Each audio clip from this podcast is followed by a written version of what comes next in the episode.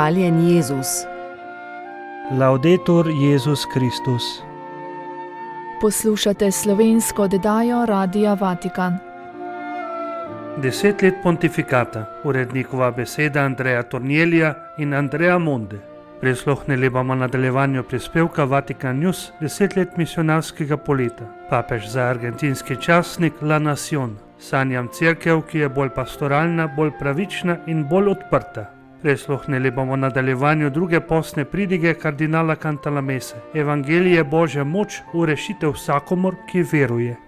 Uredniški direktor dikasterja za komunikacijo Andreja Tornieli in direktor dnevnika L'Osservatore Romano Andreja Monda sta ob deseti obletnici pontifikata papeža Frančiška skupaj napisala sledečo urednikovo besedo. 13. marca 2013 se je Jorge Mario Bergoglio prvič pojavil na osrednji loži bazilike svetega Petra oblečen v belo. Skupaj z ljubeznivim poklonom zaslužnemu predhodniku je njegov začetni pozdrav že vseboval nekatere pomembne poteze papeževanja. Poudarek, da je škof Rima, cerkve, ki v ljubezni predseduje vsem crkvam, središčnost vernega božjega ljudstva, ki ga je novi pasir prosil za blagoslov, preden je blagoslov podelil sam, molitev za veliko bratstvo v svetu, ki ga trgajo krivice, nasilja in vojne. V naslednjih dneh je papež pojasnil pomen imena, ki ga je želel prevzeti. Povezal ga je s sanjami o ubogi cerkvi za uboge. Frančišek Asiški je dejal, je človek oboštva, človek miru, človek, ki ljubi stvarstvo in ga varuje. In nekaj mesecev kasneje, novembra istega leta, je papež objavil spodbudo veselje evangelija, ki je pravi roadmap papeževanja, ki kristjane prosi naj svojim življenjem pričujejo za veselje evangelija, da bodo posod, zlasti pa najbolj trpečim, prinašali bližino in nežnost Boga, ki odpušča, sprejema, objema. Po desetih letih smo se vprašali, kako naj proslavimo to obletnico v vatikanskih medijih, in iz naših pogovorov se je oblikovala ideja, da ne bi mi toliko govorili o papežu Frančišku, ampak bi dali prostor temu, kar sta zbudila njegovo pričevanje in njegovo učenje, in čemu dajete rast. Zato smo se odločili, da bomo dali besedo pričam o najrazličnejših razmerah v svetu, tistim, ki vsak dan prepoznajo nazarečeno obraz v trpečih odvrženih v oddaljenih, tistim, ki pripovedujejo majhne velike zgodbe, ki dokumentirajo nemočno moč ljubezni in čudež odpuščanja v okolju sovraštva in brezbrižnosti. Vsak je opisal odsev ene od prednostnih tem papeževanja in s tem sestavljal mozaik. Upanje, ki je možno kljub številnim mračnim znamenjem, ki smo jim priča. Prvo med njimi pa je vedno bolj konkretna nevarnost za samo uničenje človeštva. Dati glas pričam se nam je zdelo najprimernejši način, da se oglasimo z božjim ljudstvom, ki ima Frančiška rado in še naprej moli zanj. To ljudstvo sledi papežu in se skupaj z njim obrača na Jezusa s Petrovimi besedami, prepoznavajoč vir upanja in odrešenja. Ti si Kristus, sin živega Boga, ad multos anos sveti oče. Predstavljamo prispevek Vatikan News ob deseti obletnici pontifikata papeža Frančiška. Druga razsežnost, in sicer tako imenovana krožna iz časa papeža Frančiška, se vrti predvsem okoli pozornosti do obrobi, tako zemljepisnih kot bivanskih. Sveti oče pravi, da se od tod resničnost vidi bolje kot iz središča, in od tukaj se vračamo obogateni v mislih in srcu, zahvaljujoč izmenjavi s tistimi, ki so daleč od nas. Simbol vsega tega je 40 mednarodnih apostolskih potovanj, skoraj na vseh so bili cilji obrobja, pa tudi 28 obiskov po Italiji. Cilj prvega, ki je potekal 8. julija leta 2013, je bil otok Lampedusa, dramatično središče migranskega pojava v sredozemlju. Zelo pomemben je bil tudi obisk v begunskem taborišču na Lesbosu v Grčiji aprila 2016, ob koncu katerega je sveti oče na papeško letalo sprejel 12 sirskih beguncev, da bi jim pomagali v Rimu. Papež Frančišek povdarja, da je potrebno temo migracij razvijati v skladu s štirimi glagoli: sprejeti, varovati, spodbujati in vključevati. Lahko jo vidimo tudi kot drugo členitev krožnega časa sedanjega papeža, saj vključuje nenehen boj proti kulturi odmetavanja in globalizaciji brezbrižnosti v odnosu do bližnjega. Kot pastir z vonjem po ovcah, ki je blizu svoji čredi, Kot duhovnik na poti, ki hodi skupaj z verniki, jim je papež Frančišek blizu tudi preko socialnih omrežij. Trenutno je njegov račun Twitter Pontifex v devetih jezikih presegel 50 milijonov sledilcev, medtem ko ima na Instagramu račun svetega očeta, ki je bil odprt 19. marca leta 2016, 9 milijonov sledilcev. Poleg tega v perspektivi uboge cerkve za uboge veliko pozornosti posveča ubogim in ostarelim, za katere je leta 2016 in 2019 napovedal svetovna dneva. Papeževa skrb za poslednje je bila prav tako izražena s tako imenovanimi petki usmiljanja oziroma zasebnimi obiski v ustanovah, ki so namenjene sprejemanju oseb, ki so potisnjene na rob. Del papeževega tako imenovanega krožnega časa je tudi nenehno zauzemanje za mir. Občudovanja vreden izraz tega je okrožnica Fratelli Tutti. Išla je 4. oktobra leta 2020 in poziva k bratstvu in družbenemu prijateljstvu ter odločno pravi ne vojni. Objavljena je bila v času pandemije COVID-19, vendar to ni na ključje. Kot je zapisal papež Frančišek, smo se v svetovni zdravstveni krizi spomnili, da se lahko rešimo samo skupaj. Gre za besede, ki spominjajo na stacijo Orbis, ki je papež predsedoval 27. marca leta 2020 na praznem in deževnem trgu svetega Petra. Zavedli smo se, da smo vsi skupaj v istem čovnu vsi krhki in zbegani, a hkrati tudi vsi poklicani, da veslamo skupaj. Dve leti zatem, ko je izbruhnil spopad v Ukrajini, se zdi spodbuda iz okrožnice za stvaren in trajen mir, ki izhaja iz globalne etike solidarnosti, preroška v svetu, ki vedno bolj živi tretjo svetovno vojno po kosih. Drugi primer te tako imenovane diplomacije miru, ki jo spodbuja papež in je usmerjena v gradnjo mostov in ne v postavljanje zidov, je pobuda molitev za mir v sveti deželi, ki je potekala 8. junija leta 2014 v Vatikanskih vrtovih skupaj s predsednikom Izraela Šimonom Peresom in Palestine Mahmudom Abbasom. Prav tako vzpostavitev diplomatskih odnosov med Združenimi državami in Kubo 17. decembra istega leta. To je zgodovinski dogodek, za katerega si je sam papež Frančišek prizadeval mesece, ko je pošiljal pisma voditeljema obeh držav Baracku Obami in Raulu Castru, da bi jo spodbudil naj začneta novo obdobje. V intervjuju za argentinski časnik La Nacion je papež Frančišek dejal, da crkev hodi po poti, ki jo je zastavil drugi vatikanski koncil, da bi vedno bolj postajala dom za vse. Ob deseti obletnici pontifikata se je pogovarjal z novinarko Elizabeto Piquet. Dejal je, da ga je v teh letih posebej razveseljevalo vse, kar se nanaša na pastoralno smer odpuščanja in razumevanja oseb. Vsem dati mesto v cerkvi je izpostavil. Njegove sanje so, da bi cerkev odprla vrata, odpreti vrata in prehoditi poti. Cerkev, ki si jo predstavlja sveti oče v naslednjih letih, je bolj pastoralna, bolj pravična, bolj odprta, v skladu s smerjo, ki jo je začrtal drugi vatikanski koncil. To pot moramo prehoditi, konkretnost tega pa je težka. Na novinarkine besede, da se zelo ozira na izgubljene ovce in da je to povzročilo krizo pri nekaterih katoličanih, kot pri starejšem bratu iz prilike o izgubljenem sinu, papež odgovori, da se to vedno dogaja. Ključna Jezusova beseda je vsi. Zame je to ključ za pastoralno odprtost. Vsi v hiši, hrupno je, a vsi smo znotraj doma.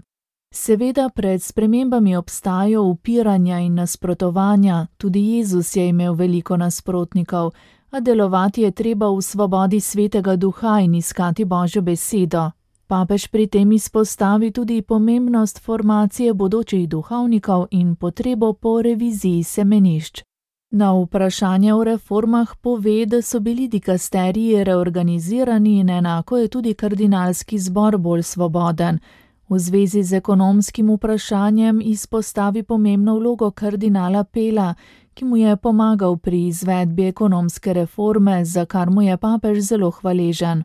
Tajništvo za ekonomijo mi sedaj pri tem zelo pomaga, dodaja. Prej je bil pater Guerrero, ki je v teh letih in pol uredil zadeve, sedaj pa je tam laik Maximino Caballero.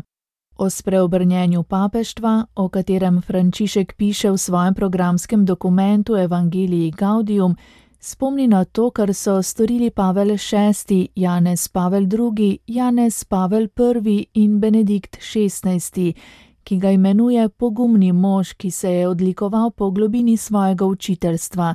Bil je prvi papež, ki je uradno obravnaval vprašanje zlorab.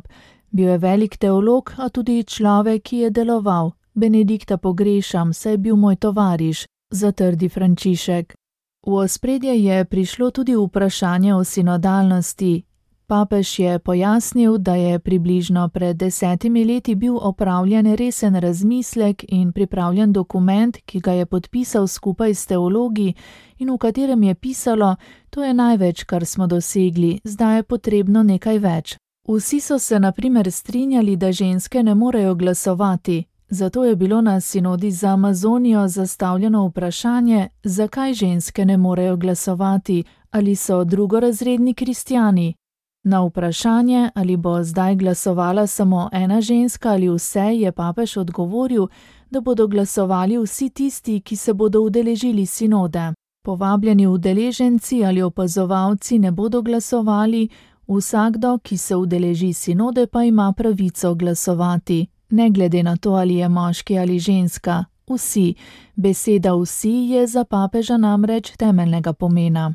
V nadaljevanju pogovora sveti oče zatrdi, da ne piše nove okrožnice in nikalno odgovori na vprašanje, ali so ga prosili naj napiše dokument na temo spola.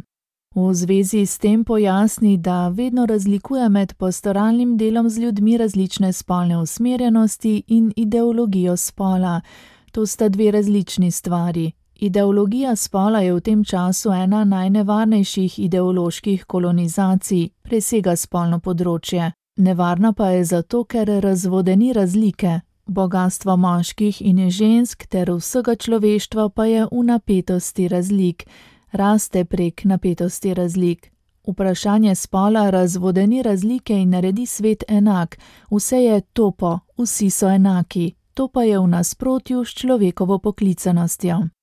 V zvezi z Ukrajino je novinarko zanimalo, ali se poboje, ki se tam dogajajo, lahko opredeli kot genocid. Papež odgovarja, da seveda gre za tehnično besedo, a očitno je, da ko se bombardira šole, bolnišnice, zatočišča, imamo vtis, da ne gre toliko za zauzetje teritorija, ampak za uničenje. Ne vem, ali je to genocid ali ni. To je treba proučiti in pravilno definirati, zagotovo pa to ni vojna etike, ki bi je bili vajeni, odgovarja sveti oče. Doda, da Vatikan na tem področju deluje po diplomatski poti, da bi ugotovil, ali je mogoče kaj doseči. Pojasni, da Vatikan nima mirovnega načrta, temveč služenje miru, ki poteka diskretno s tistimi, ki so odprti za dialog, tudi v pričakovanju srečanja svetovnih predstavnikov o tem vprašanju. Papež zatrdi, da je pripravljen iti v Kijev. Želim iti v Kijev, a pod pogojem, da grem v Moskvo. Šel bom na oba kraja ali pa nobenega od njiju. Na vprašanje, ali je odhod v Moskvo nemogoč, odgovori, da ni nemogoč. Ne trdim, da je to mogoče, ni nemogoče. Upamo, da nam bo uspelo, vendar ni nobene obljube, teh urad še nisem zaprl. Toda ali jih zapira Putin, morda pa bo postal raztresen in jih bo odprl. Vojna me boli, je še dejal papež, to je tisto, kar želim povedati. Vojna me boli. Seveda je tu še vprašanje papeževega morebitnega potovanja v Argentino. Ponovi, da bi rad šel v Argentino in da če tega doslej ni storil, je to zaradi vrste razlogov, ki so se s časoma nabrali. Ni bilo nobene zavrnitve, vse je bilo načrtovano, pojasnjuje papež. Zgodilo se je, da so se stvari zapletle, dve leti je bila pandemija, zaradi katere so bila potovanja, ki jih je bilo treba opraviti, preložena. Želim si iti in upam, da bom šel, upam, da mi bo uspelo. Rešitev države ne bo prišla z mojim potovanjem, Z veseljem bom šel, vendar je treba malo razmisliti o stvarih, ki jih je treba storiti, da bo država napredovala. Ob koncu intervjuja je papež na vprašanje o napakah, ki jih je storil v teh desetih letih pontifikata, odgovoril, da je vzrok vsake napake nepotrpežljivost. Včasih se mi požene kri v glavo, Potem človek izgubi potrpežljivost in ko izgubiš mir, ti spodrsne in delaš napake. Treba je znati čakati. Prisluhnemo drugi posni pridigi kardinala Ranjera Cantalamesa z naslovom Evangelije Božja moč v rešitev vsakomur, ki veruje. Kje je vsem tem aktualnost apostolovega sporočila, o kateri sem govoril? V zdravilu, ki ga Evangelij predlaga za to stanje. Ni v boju za moralno reformo družbe, za popravo njenih pregreh. Zan bi to bilo, kot bi hoteli izruvati drevo in začeli trgati liste ali najbolj šteleče veje, in da bi skrbeli za to, da bi odpravili vročino, namesto da bi pozdravili bolezen, ki jo povzroča. Prevedeno v današnji jezik to pomeni, da se evangelizacija ne začne z moralo, ampak s kerigmo. V jeziku nove zaveze ne s postavo, ampak z evangelijem. In kakšna je njegova vsebina, njegovo središčno jedro. Kaj Pavel misli z evangelijem, ko pravi, da je božja moč v rešitev vsakomor, ki veruje? Verovati v kaj? Pokazala se je božja pravičnost. To je novost. Niso ljudje nenadoma spremenili svoje življenje in navad in začeli delati dobro. Novo je, da je v polnosti časov deloval Bog, prekinil je tišino, prvi ponudil svojo roko grešnemu človeku. Prisluhnemo zdaj neposredno apostolu, ki nam pojasnjuje, v čem je to božje delovanje.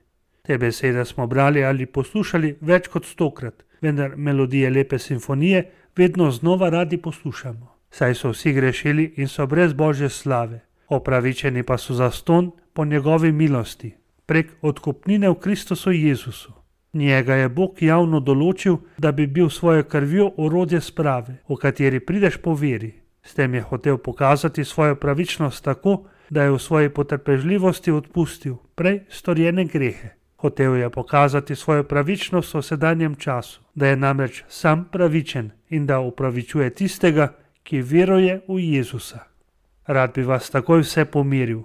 Na nameravam imeti še ene pridige o upravičenju po veri, Strajati samo pri tej temi je nevarno. Pavel nam ne predstavi nekega nauka, ampak neki dogodek, pravzaprav neko osebo. Mi nismo odrešeni na splošno po milosti. Odrešeni smo po milosti Jezusa Kristusa. Nismo bili na splošno upravičeni po veri, upravičeni smo bili po veri v Jezusa Kristusa. Vse se je spremenilo v moče odrešenja, ki ga je izvršil Kristus Jezus. Pravi člen, s katerim crkva stoji ali pade, sloviti artikulom stantis et cadentis ecclesiae, ni nauk, ampak oseba.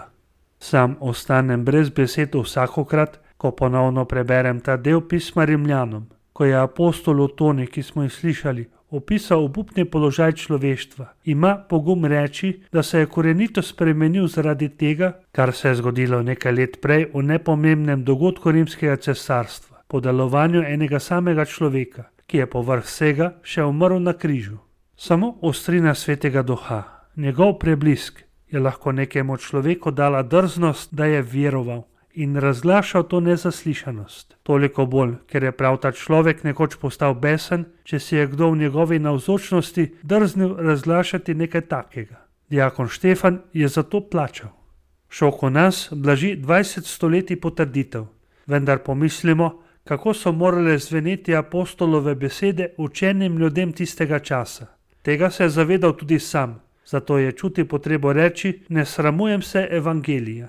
Človek bi se ga lahko sramoval.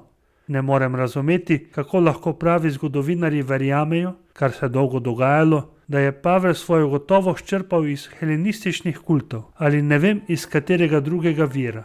Kdo si je kdaj to predstavljal? Ali si je mogel po človeško predstavljati kaj takega?